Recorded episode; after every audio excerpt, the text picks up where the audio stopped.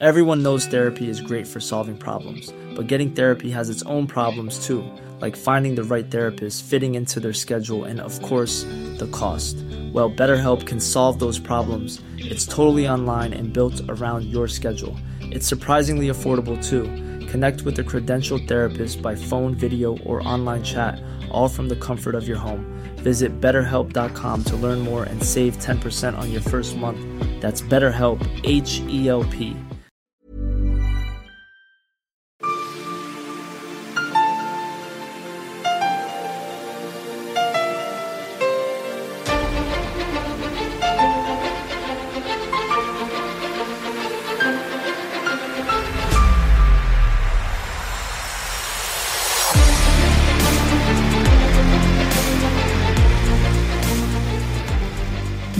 lyssnar på Militärsnack, podcasten där militära saker blir lätta att fatta.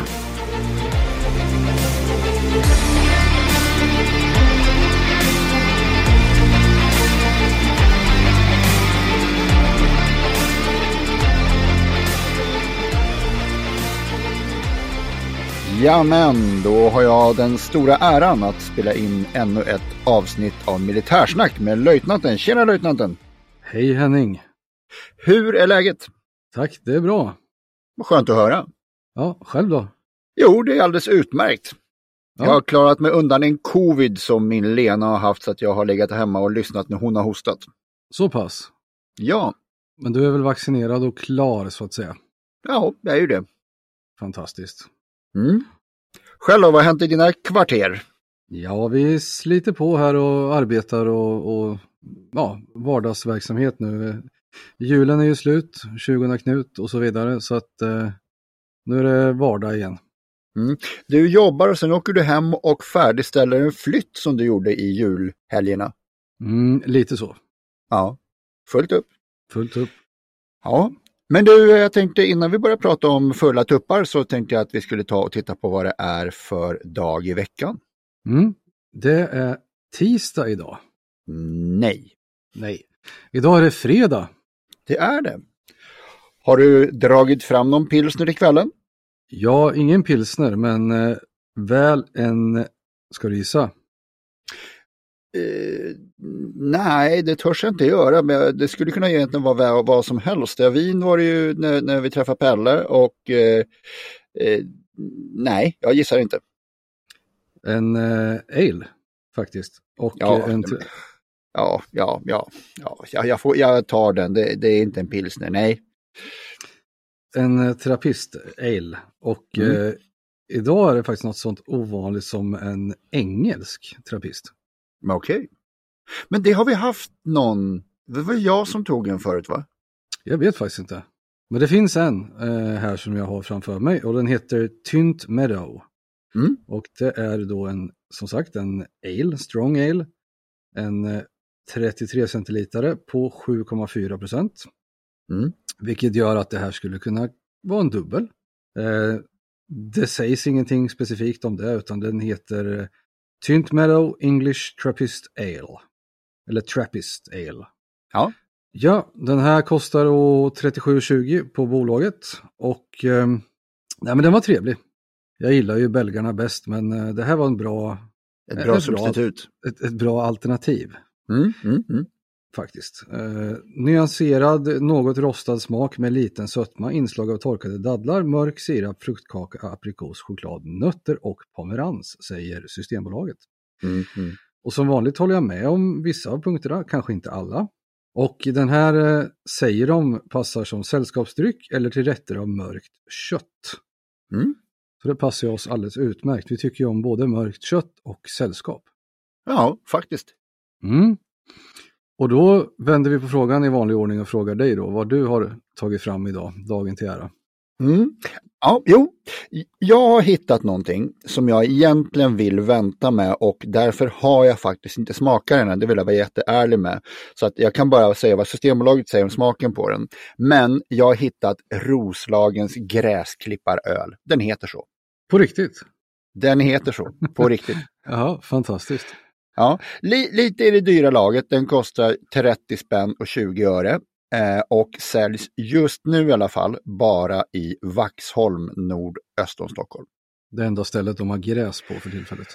Ja, det kanske de röker där, vad vet jag. Men i alla fall, det står på Systembolagets eh, hemsida att det är en fruktig doft, inslag av aprikos, apelsinskal, ljust bröd och honung och serveras vid 8-10 grader som sällskapsdryck. Även här så står det till vegetariskt, men det struntar vi. Och sen till rätter av ljust kött. Mm. Och, det, och den ligger på moderata 5,2 procent. Som sällskapsdryck, men en gräsklipparöl, då får du ju Antingen får man, det blir ju lite bullrig miljö, men man kanske kan sitta två. Jag tänker om man åker ja. åkgräsklippare eller så. Ja, men du får åka så här med och gräsklippare. Så man är medåkare, vilket man annars bara är på sparkstötting. Ja, ja, ja. Mm. Mm, mm, Skridskor då? Det är också någon form av skenmanöver man gör då. Mm. Men ändå medåkare? Ja, medåkare. Mm. Ja, jaha. Jag vet att du har lite roliga nyheter att komma med idag. Roliga och roliga, men eh, det som eh, droppades idag eh, var ju att Sverige ska ju skicka ytterligare stöd till Ukraina. Mm. Och det kan man ju tycka är bra. Jo, och det här stödet skulle bestå av bland annat pansarvärnsrobot och då är det ju 57 NLO och den har vi ju skickat, eller de har den sedan innan, så det är ju mm. inget kontroversiellt på något sätt. Och sen har man ju pratat och beslutat om eh, skicka artillerisystem Archer då. Ja. Och det kanske mest kontroversiella enligt mig, eller det som, som är en riktig, alltså kanske mer, eh, artillerisystem finns ju redan på plats.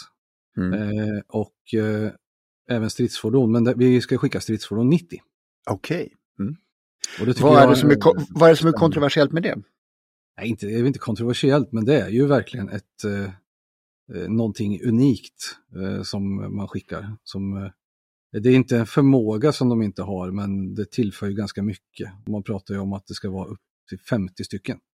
Okej, okay, okej.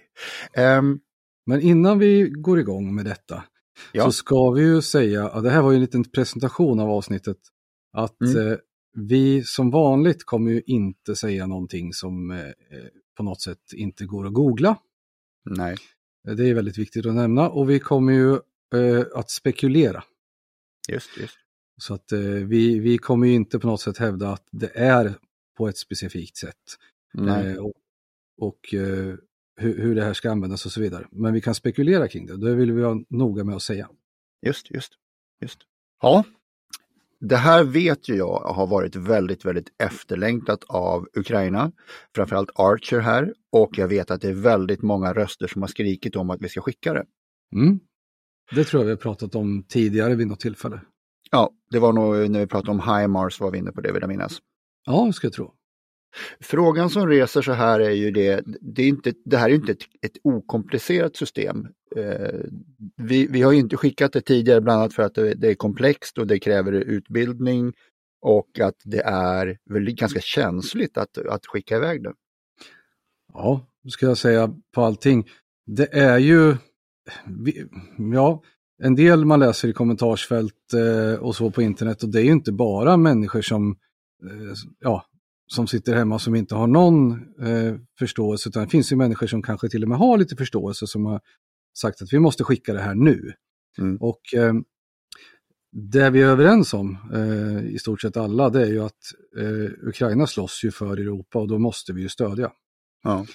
Och eh, man skulle sannolikt kunna ha stöttat med, med både flyg och trupp och allt möjligt. Och anledningen till att man inte gör det tänker jag att det är ju lite grann att Ryssland har kärnvapen. Mm. Hade de inte haft det så hade man sannolikt kunnat eh, satt P för kriget för länge sedan. Ja. Mm. Eh, men, men, nu är ju inte läget sådant. Men det som är att man har sagt, ja men vi måste skicka Archer, vi skickar det nu. Eh, det är ju inte riktigt som att, eh, ja men Henning du har ju körkort och eh, eh, du har kört Volvo och därför kan du köra en Saab. Nej. Det... Rik, riktigt så är det, utan man måste ju se det här det är ju inte bara en kanon eller en haubits på en dumper eller en lastbil utan det är ett system. Eh, och det är viktigt att förstå att eh, ja, men det, det, måste man ju kunna skicka med ammunitionslastbilar, reservdelar och eh, eh och eh, hanteringssystem, ja det kan man göra. Men sen tillkommer ju vissa saker som sambandssystem eh, i en hel kedja då, att man ska kunna skicka en eldsignalering till pjäsen och den ska kunna ta emot det och göra om det här till rätt siffror för att skjuta sina granater på rätt mål. Och då går det väldigt fort och då är det den här shoot and scoot förmågan att man grupperar, skjuter och drar. Eh, så den kedjan måste ju fungera. Och eh, jag tror inte att vi kommer ge bort våra radiosystem eh, med krypton och riskera att de hamnar i, i fiendens händer, utan då måste man nog integrera deras sambandslösningar i systemet. Mm. Eh, sånt tar ofta ganska lång tid eh, i fredstid, men i och med att det är krig så kanske man kan frångå vissa saker med eh, regler och sånt. Så det kan nog gå, men det måste ändå göras. Mm. Jag, jag, kan tycka, tänka så att det är ganska viktigt att se hur de här grejerna funkar på slagfältet. Det måste vara enormt viktigt att se hur det verkligen, alltså när Ukraina använder det, hur verkan är i, i live så att säga. Ja, det kan man nog konstatera ändå. Eh, det är ju en 15,5 cm haubits som skjuter eh, samma typ av ammunition som man redan skjuter så att säga, NATO-standard. Mm. Så effekten på granaten finns det ju gott om eh, empiri runt omkring. Utan det här handlar väl snarare om hur systemet kan funka. Eh, om du tänker på ja, men, eh, rörlighet och eh, ja, men hållbarhet. Såklart gör man ju sådana, all krigsmateriel är ju testad mm. i alla olika miljöer, i värme och kyla och antal skott och sånt. Så det har man ju ganska bra koll på. Men okay. eh, man kanske kan få reda på hur man kan använda det taktiskt mot den, den dimensionerande motståndaren som det heter. Ja, just det. Mm. Eh, min tanke är ju så här att eh, det är som du säger, Ukraina är ju skölden och jag antar utan att ha en aning om hur många vi har så blir det ändå att de vi skickar blir ju en lucka i våra egna led. Ja, det är ju så att vi beställde ju eh, x antal mm. eh, och Norge var ju med på ett, eh, på ett hörn och beställde lika många. Mm. Och de här norska pjäserna, de levererades inte för norrmännen hoppade av. Så vi har ett övertal. Okej, okay, okej, okay, ja. Så därav kan vi avvara. Aha, ja, ja, där ser man, där ser man. Då får vi tacka norrmännen för att de hoppade av då. Ja, så kan vi se det. Mm. Ja, Sverige beställde 24 stycken och Norge beställde 24 stycken. Okej. Okay. Och sen har Sverige beställt ytterligare 24 då, utöver det. Det är i alla fall enligt Wikipedia så är det så. Ja. Mm, mm. Och som sagt, vi håller oss till den information som är öppen. Ja. Och de här norska då skulle man ju kunna tänka sig avvara, för de sitter på ett eh, annat chassi också. Jag förstår. Våra sitter ju nu på dumpers chassi. Ja, och den här svenska dumpen som vi pratar om, det är ju en Volvo A30E. Okej. Okay. Mm. Och eh, den norska, eh, de ska vara, de är tänkta för eller finns på eh, ett lastbilschassi, en åtta hjulsdriven lastbil egentligen. Okej. Okay. Mm, mm, mm. Och då blir det mer likt det franska Caesarsystemet som bland annat Danmark har. Och Danmark har ju bestämt sig också idag för att ge bort eh, alla sina Caesarpjäser. Jag tror det är 18 de har, så det är i stort sett, ja det är hela deras artilleri. Kvar har de eh, eh någon form av granatkastare på ett fordon då. Okej. Okay.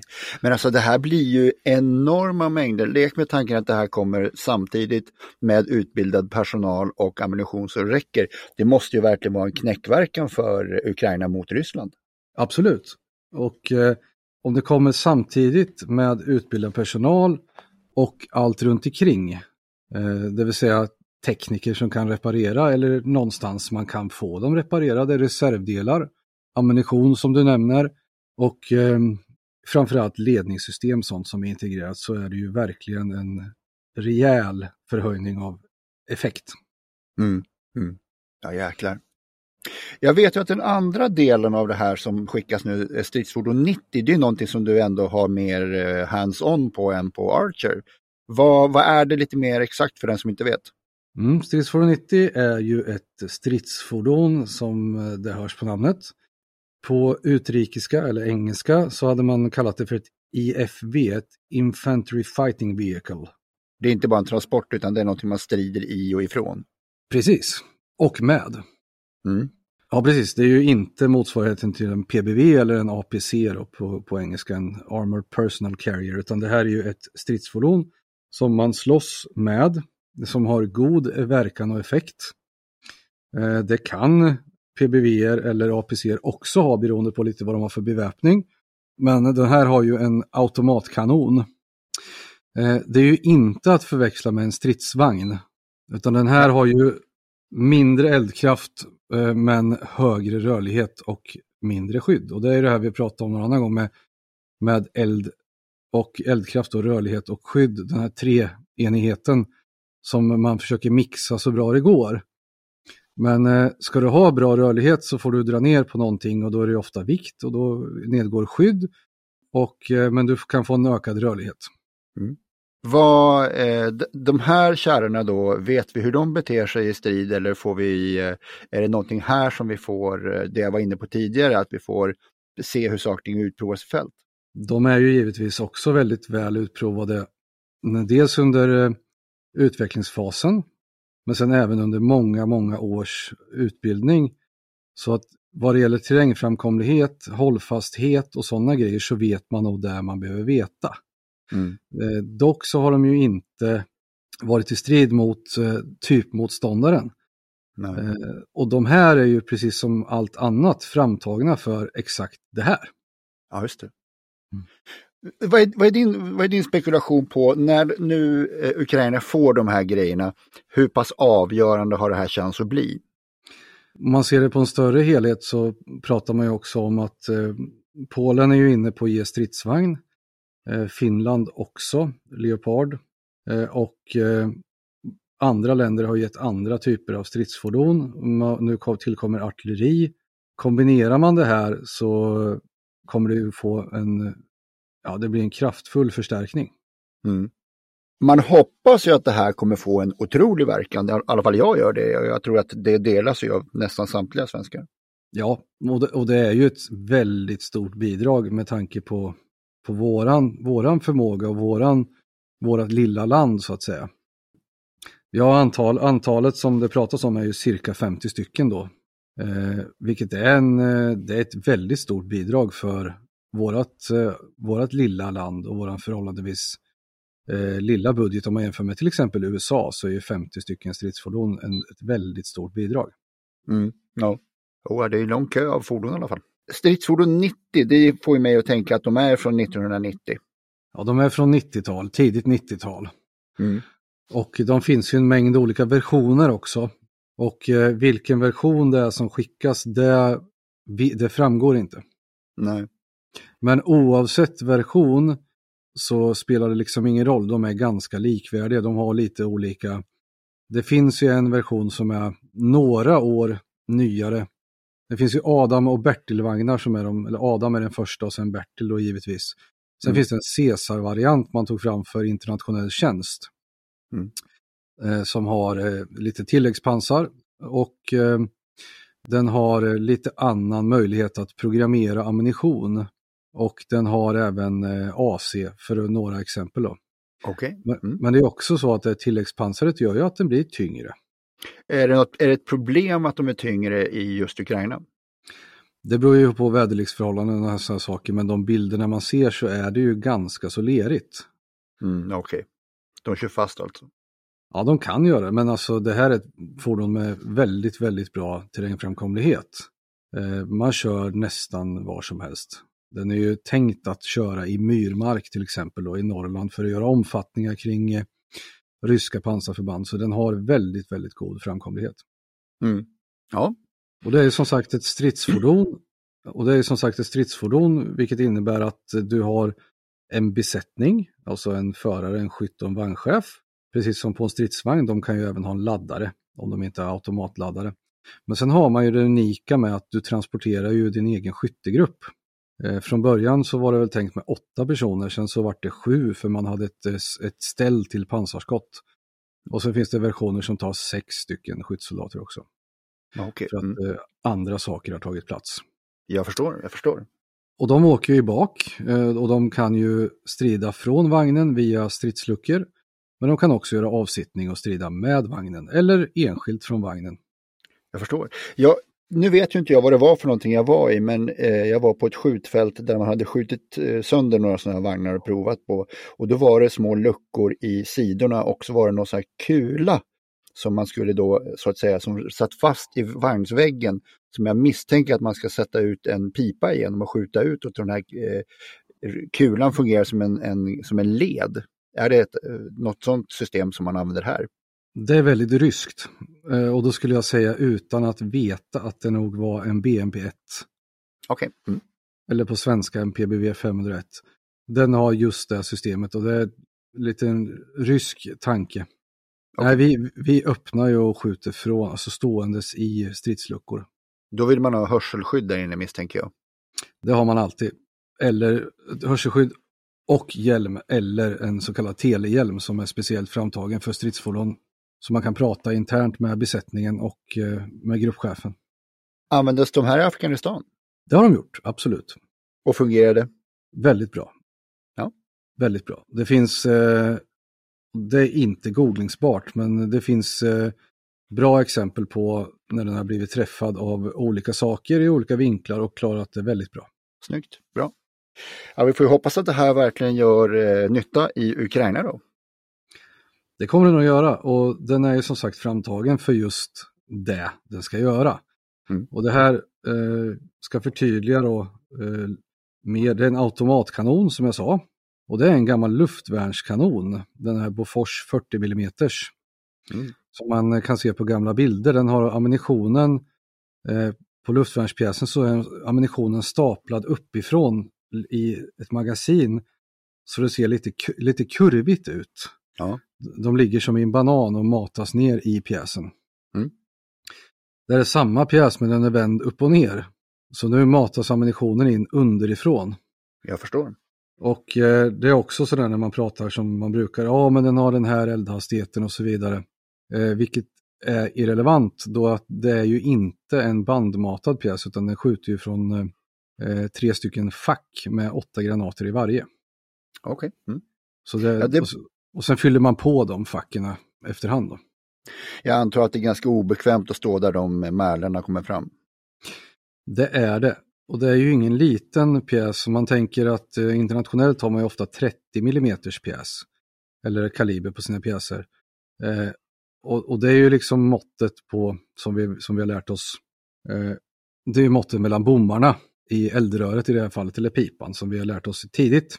Mm. Men det är inte bara det att granaten är, man tycker 10 mm större, det är inte så mycket. Men eh, det som skiljer sig ofta är att de här 30 mm, i alla fall NATO-standard, är ganska korta hylsor på. Okej. Okay. Våran granat är ju liksom inte skalenlig, en 30 mm eh, granat, utan våran hylsa är eh, betydligt längre. Det är inte bara det att den är en, en den har inte samma förhållande granathylsa som en 30 mm fast den är lite större, utan den har en betydligt större hylsa. Och då blir det mera mos, högre hastighet på projektilen och mer smäll när den kommer fram? Inte mer smäll när den kommer fram. Det, ja, det, det, blir det ju också då, i och med att det är en större bärare. Mm. Men eh, det, det, fina med den här är ju att skjuta en eh, pilprojektil okay. mot, mot annat pansar. Och det är ju en underkalibrerad, det vill säga att det sitter som en dartpil som inte är så mycket tjockare än en bläckpenna. Eh, I ett väldigt, väldigt hårt material. Och sen eh, runt det så sitter det drivspeglar. Och då kan man eh, man kan också ja, man kan likna det vid att, så att den ska täta i eldröret. Och när den lämnar eldröret så lämnar de här drivspeglarna och kvar blir då den här pilen som får extremt hög hastighet och väldigt, väldigt bra genomslag. Ah. Vi var inne på det i avsnittet om pansar vill jag minnas, just med drivspeglar.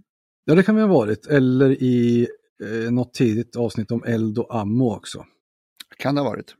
Men det här, gör ju, det här är ju det fina med den, att den här kan du skjuta på eh, alla ryska fordon. Man ska ju som vanligt undvika att skjuta på en stridsvagn i front, men jag skulle absolut inte tveka att skjuta på en rysk stridsvagn i sida eller absolut inte bakifrån. Ja, just. Med ganska högt självförtroende att jag ska ha genomslag. Ja, jo, men det är väl det man vill ha när man skjuter. Absolut. Vi var inne på det tidigare, jag sa att det var en hel lång kö och det är väl kanske inte lika lång som den här kön som hotade Kiev i, i april, men 50 sådana här eh, stridsfordon, 90, det, det är väl rätt mycket? Det är ganska mycket. Vi vet ju ändå inte heller vad man avser skicka för, som jag sa, variant. Och då menar jag inte bara eh, om det är A, B eller C och så vidare. Utan eh, man vet ju inte vilka funktionsfordon som medföljer. För precis som med Archen där så handlar det ju om att, eh, att kunna dels utbilda på det. Och det är ju en ganska smal sak, alltså vi, det har vi ju kompetens för. Eh, men sen är det ju andra saker med vilka fordon det är som skickas. Det kanske inte bara är kanonvagnar så att säga som ska strida utan det kan ju vara, förhoppningsvis så har man ju skickat med minst bärgare. Mm. Så att man kan boxera de här om de går sönder eller om de blir eh, bekämpade så att, och inte kan ta sig iväg för egen maskin. Då behöver man ha bärgare som är speciellt framtagen för det. Mm. Eh, jag vet ju inte alls om man skickat med en driftstödsgrupp eller alltså materiell för det, det vill säga reservdelar. Eh, jag vet inte om det är några eldledningsvagnar eller stridsledningsvagnar medskickade, utan är det 50 rena kanonvagnar så är det ju väldigt mycket. Okej, okay, okej. Okay. Sen vet vi inte om det är 30 eller 60 de verkligen skickar. Nej, det vet vi inte. De har pratat runt 50. Ja, just det. Det kan ju också vara en siffra som är presenterad för att förvilla åt det ändra håll. Absolut. Men skulle vi spela med att eh, ett, ett kompani då, eh, som är en, en ganska potent, ett pansarskyttekompani, då har man ju, om man har tre plutoner med tre vagnar i varje så går det åt nio. Mm. Men sen behöver du ha eh, vagn nummer 10 och 11 till kompanichef och hans ställföreträdare. Då har vi 11. Hej, jag Ryan Reynolds. På Mint Mobile, we like to do the opposite of what Big Wireless does. They charge you a lot, we charge you a little. So naturally, when they announced they'd be raising their prices due to inflation, we decided to deflate our prices due to not hating you. That's right. We're cutting the price of Mint Unlimited from $30 a month to just $15 a month. Give it a try at mintmobile.com slash switch. $45 up front for three months plus taxes and fees. Promo for new customers for limited time. Unlimited more than 40 gigabytes per month. Slows. Full terms at mintmobile.com. Hey, it's Danny Pellegrino from Everything Iconic. Ready to upgrade your style game without blowing your budget? Check out Quince. They've got all the good stuff, shirts and polos, activewear, and fine leather goods – all at 50 to 80% less than other high-end brands. And the best part? They're all about safe, ethical, and responsible manufacturing.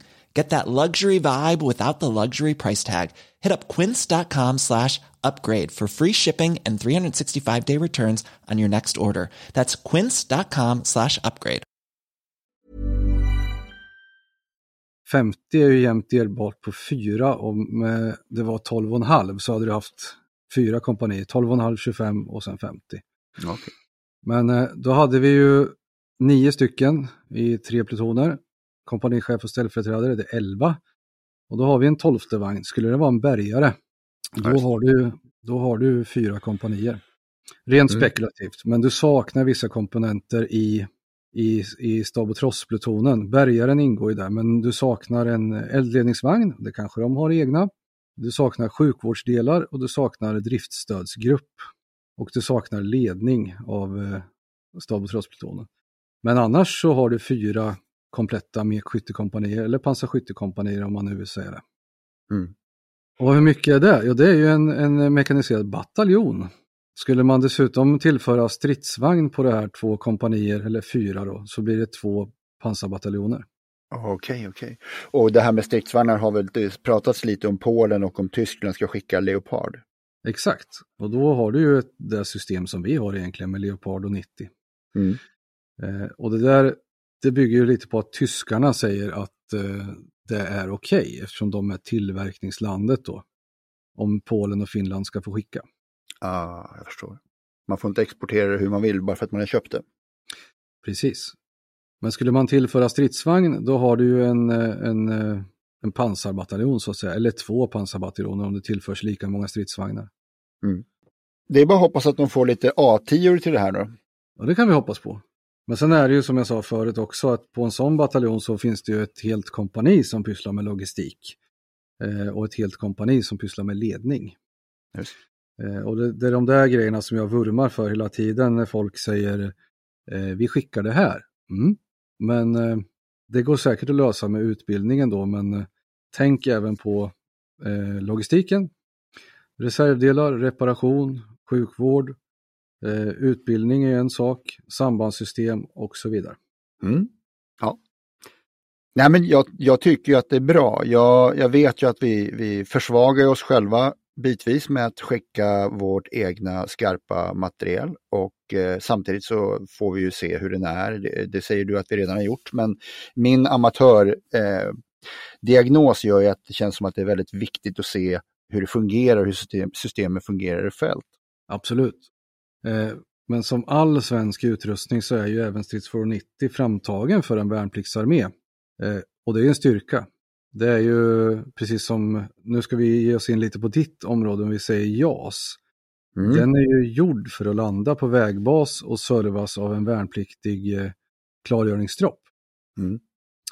Och stridsfordon 90 är ju också gjord och framtagen för värnpliktssystemet, vilket innebär att de, en tio månaders besättning eh, på den gamla värnpliktstiden, de är extremt duktiga. Okej. Okay. Ta till exempel en, en amerikansk stridsvagn, då, Abrams med gasturbinmotor och så, det är ganska känsliga grejer, fast de är väldigt bra. Mm. Eh, det här är väldigt bra men kanske mindre känsligt. Det är gjort för att hålla eh, med kanske kortare serviceintervaller, Eh, man kanske lägger ner lite extra skäl när man bygger systemen för att de ska vara lättare att reparera av besättningen och sådana saker. Okej, okay, lite Volvo 240-tänk då? Ja, ja, ungefär. De är inte dåliga för det, men det kan ta längre tid att utveckla. Om vi säger en, men vi bygger den så här, det har bäst effekt. Ja, då gör vi det. Men vi kanske tänker vi bygger den så här, det har bäst effekt, likvärdig effekt eller bättre än motståndaren. Eh, men det får ta lite längre tid för att vi måste bygga det på ett sätt som gör att det ska vara lätt att serva och underhålla. Besättningen ska inte bara kunna kriga med den, de ska kunna laga den också. Jag förstår. Ja, men det, det låter som ett bra tänk i mina öron. Det är ju det. Och vi har ju alltid byggt våra saker på att det ska vara så. Men du hänger med på vad jag menar där. Det är ju som att... Eh... Ja, ja, absolut. Absolut. Det, det ska gå att laga. Man ska inte behöva lämna in det så att säga för att ta ett civilt begrepp. Exakt. Och då går det åt betydligt mindre personal runt omkring, även om jag pratar mycket om logistiken och sånt, att eh, det måste funka. Men eh, jag kan inte svara på en Abrams-besättning i USA till exempel hur mycket truppreparationer de kan göra. Men eh, våra besättningar med hjälp av driftstödsgruppen eller på eh, bataljonens trosskompani kan göra väldigt, väldigt, väldigt mycket. Mm de byter ju motor, motor alltså. Det är ju, systemet är byggt så, så att de kan göra det i fält. By, motorbyte, transmissionsbyte. Eh, det mesta kan de byta med hjälp av, av teknisk personal ute i fält. Ja men det är ju det är en väldig styrka att kunna laga saker och ting själv när man är där ute och du har långt till underhåll. Precis. Mm. Men, men frågan kvarstår ändå från tidigare här eh, som jag jag tänkte så här, jag var inne på det tidigare, men vi, om vi nu skickar 50 stycken, tömmer vi inte fickorna lite väl mycket då? Nej, det gör vi inte, utan det är fler som, jag har faktiskt fått den frågan förut idag.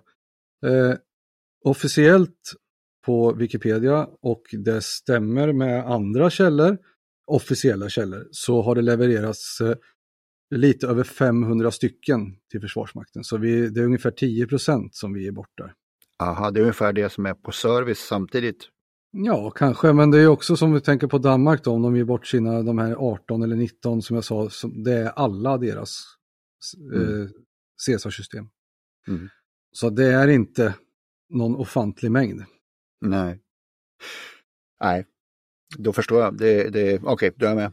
Och som jag sa innan med ti, eh, det här 10 månaders värnplikten som var förr, då får man ju också tänka att eh, tre månader av det är ju ren grundläggande soldatutbildning. Då tar du in en civil människa efter gymnasiet och gör den till en soldat först. Mm. Sen utbildar man på vagnen och sen förbandstränar man. Eh, om vi spelar med att de ukrainarna som ska ha utbildningen har förbandstränat med andra fordon eller har någon form av eh, sån träning sedan innan och är soldater, då är det egentligen själva vagnsutbildningen som ska in och då kommer det ta betydligt kortare tid än tio månader. Just, just. Mm. Och då kommer de bli väldigt duktiga. Skitbra. Väldigt bra. Mm. vi skickade ju förut alla de här P-skotten och det. Har vi fått några bra rapporter på hur det har gått så här, så här långt? Jag vet att det var lite snack i början om att de var väldigt bra. Till exempel, vi har ju skickat fler grejer än, än P-skotten där. Hur, hur, vad har responsen varit? Ja, enligt öppna källor och där man kan läsa så har jag inte hört någonting negativt. Nej. Nej, det har väl visat sig att, att eh, de svenska pansarskotten där var en riktiga konservöppnare. Ja, precis. Det, det var väl egentligen så det var egentligen så hela podden startade en gång i tiden. Det var ju just det att eh, kritisk, kritiska röster eh, angående att vi skickar gamla saker från 1986. Mm. Eh, och då hade vi ett helt avsnitt om pansarskottet. Och då sa jag i ett tidigt skede att eh, de är gjorda för exakt det här. Ja, just. Och om vi har tänkt rätt i svensk försvarsindustri, vilket vi förmodligen har gjort, så kommer eh, Stridsfordon 90 också vara en succé. Och Archer. Ja. Mm.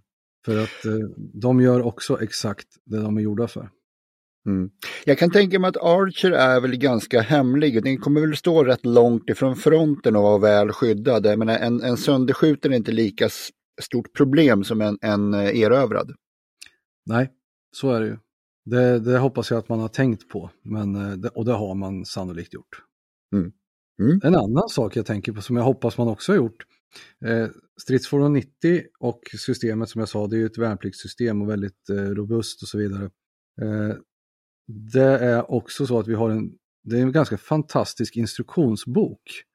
Jaha. Ehm, ja, men det, så är det väldigt ofta på svenska system. Det är inte i Ikea bruks, eh, bruksanvisning utan det är väldigt, väldigt bra. Mm. att eh, vi skulle säkert kunna, om vi hade stridsfordon 90 här, skulle säkert du och jag kunna få iväg ett par skott om vi använder instruktionsboken. Okej. Okay. Mm. Väldigt tydlig. Och, och då får vi hoppas att man översätter de här. Ja, jag har ju då en mycket större, ett mycket större förtroende för löjtnantens förmåga att både avfyra vapen och, och för, läsa de här instruktionerna än vad jag har, men okej. Okay. Mm, vi får väl hoppas att det är så, annars får jag byta jobb. ja. Tiderna, ledtiderna kan nog vara korta, men som sagt, eh, översätta instruktionsböcker är ju ett jobb. Mm. Ja, men det är information då. Det måste ju vara rätt och komplett och, och genomtänkt. Mm. Jo, det är ändå inte, även om det är gjort för värnpliktiga, det är ju inte bara hoppa ner och dra i en spak. Utan det är, det är, lite saker som ska till. Mm. Mm. Det är, det är, I min värld är det jätteskönt och kul att se att vi skickar iväg eh, båda de här två.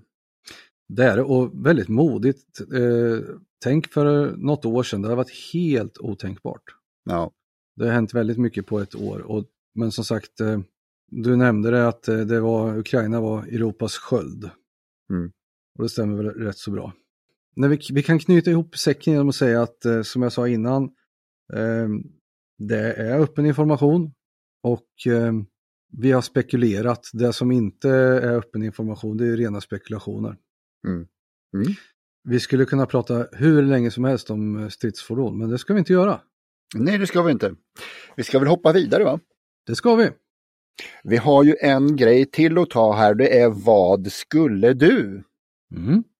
Vad skulle du vilja ha skickat som stöd till vem när som helst i historien? Och det, ska vara, och det ska vara rimligt också, du kan inte skicka kulsprutor till 1600-talet. Jag satt exakt och tänkte på det, men inte till 1600-talet. Eh, 1700-talet, jag tänkte det att eh, Karl XII hade behövt lite hjälp där i Poltava. Mm. Då hade nog kulsprutor varit... Eh, då kanske Ukraina-konflikten hade sett annorlunda ut idag. Det hade den nog. Men eh, nu skickar vi ju stridsfordon 90 och Archer till, kanske till Poltava. Mm. Mm. Mm. Och vad skulle du skicka till vem och vad när som helst i historien? Jag skulle ha skickat, nu vet jag inte vilken version det blir för jag kan inte dem på just den, men den brittiska Mosquito som då var ett tvåmotorigt jaktbombplan från andra världskriget skulle jag ha skickat till Finland när som helst under deras två krig mot Ryssland under andra världskriget. Mm, mm. Men jag fick ju inte skicka kulsprutor till 1600-talet eller 1700-talet.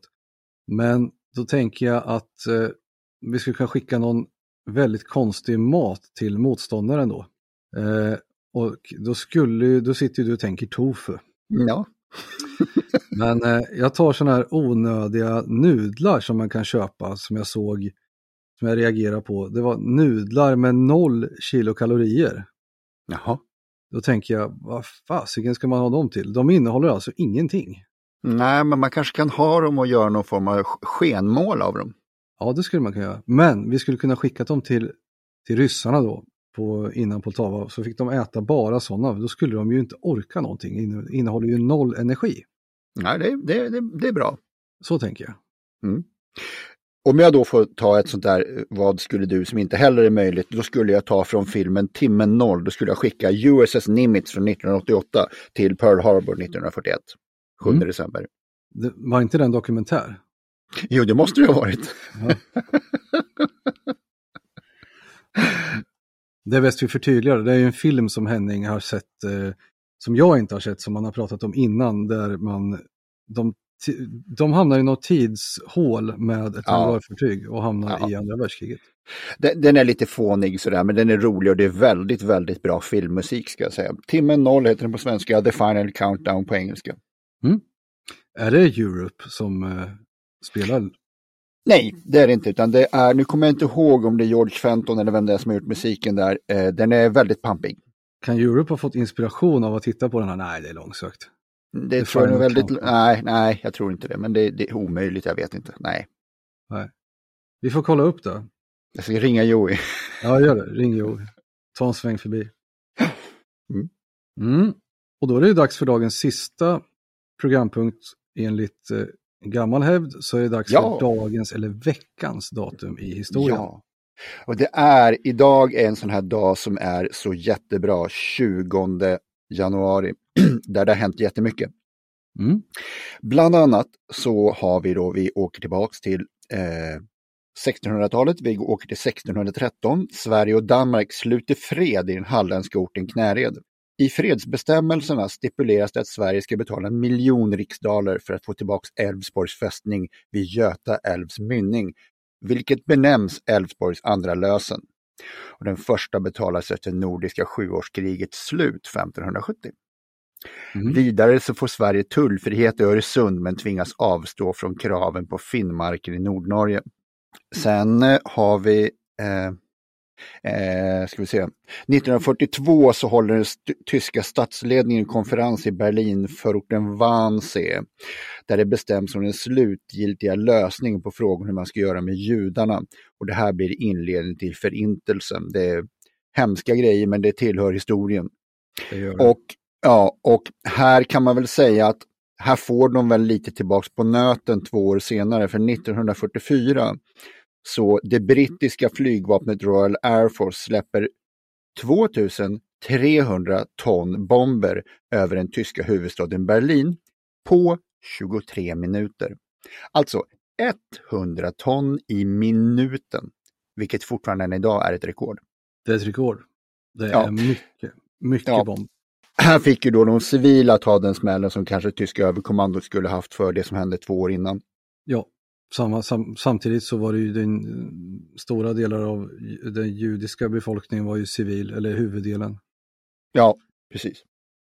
Ja, det där är ett elände, det är hemskt. Det är hemskt. Så är det. Sen har vi då, eh, för att lämna andra världskriget, 1981 så personalen på den amerikanska ambassaden i Irans huvudstad Teheran, som hållits gisslan sedan den 4 november 1979, släpps på några minuter efter att Ronald Reagan har efterträtt Jimmy Carter som USAs president. Mm. Det var lite gladare nyheter. Ja, lite bättre. Eller nyheter är det ju inte, det är ju historia så det är ju inget, inget nytt på något Nej. sätt. Jag förstår vad du menar och det gjorde våra lyssnare också. Det gjorde de. Ja. Har vi då knutit ihop vår säck? Ja, men det tycker jag. Då har vi ett avsnitt. Ett avsnitt och säkert massor med frågor. Och då Ja. får man eh, mejla dem. Japp, militarsnack.gmail.com. Jajamän. Du, apropå nyheter som du just nämnde, vi har en nyhet här som är lite, jag vet inte om, den hinner, om det här hinner lösa sig, men vår hemsida är ju nere för att eh, någon som inte är en löjtnant höll på att leka med hemsidan igår och lyckades radera allt på servern. Mm. Så kan det gå. Ja, det ska tydligen finnas en backup så att den, den kommer upp igen om några, några dagar hoppas vi. Mm. Ja, Men då så löjtnant, då tackar vi för den här veckan. Det gör vi. Tackar så mycket. Tackar, tackar. Hej, Ja, hej, hej!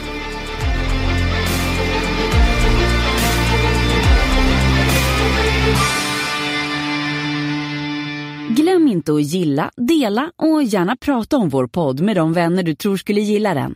Tack! When you make decisions for your company, you look for the no-brainers. And if you have a lot of mailing to do, stamps.com is the ultimate no-brainer. It streamlines your processes to make your business more efficient, which makes you less busy. Mail checks, invoices, legal documents, and everything you need to keep your business running with stamps.com. Seamlessly connect with every major marketplace and shopping cart. Schedule package pickups and see your cheapest and fastest shipping options from different carriers. With rates up to 89% off USPS and UPS rates. And with the Stamps.com mobile app, you can take care of mailing and shipping wherever you are. Make the same no-brainer decision as over 1 million other businesses with Stamps.com. Sign up with Code PROGRAM for a four-week trial, plus free postage and a free digital scale. No long-term commitments or contracts. That's Stamps.com. Code PROGRAM.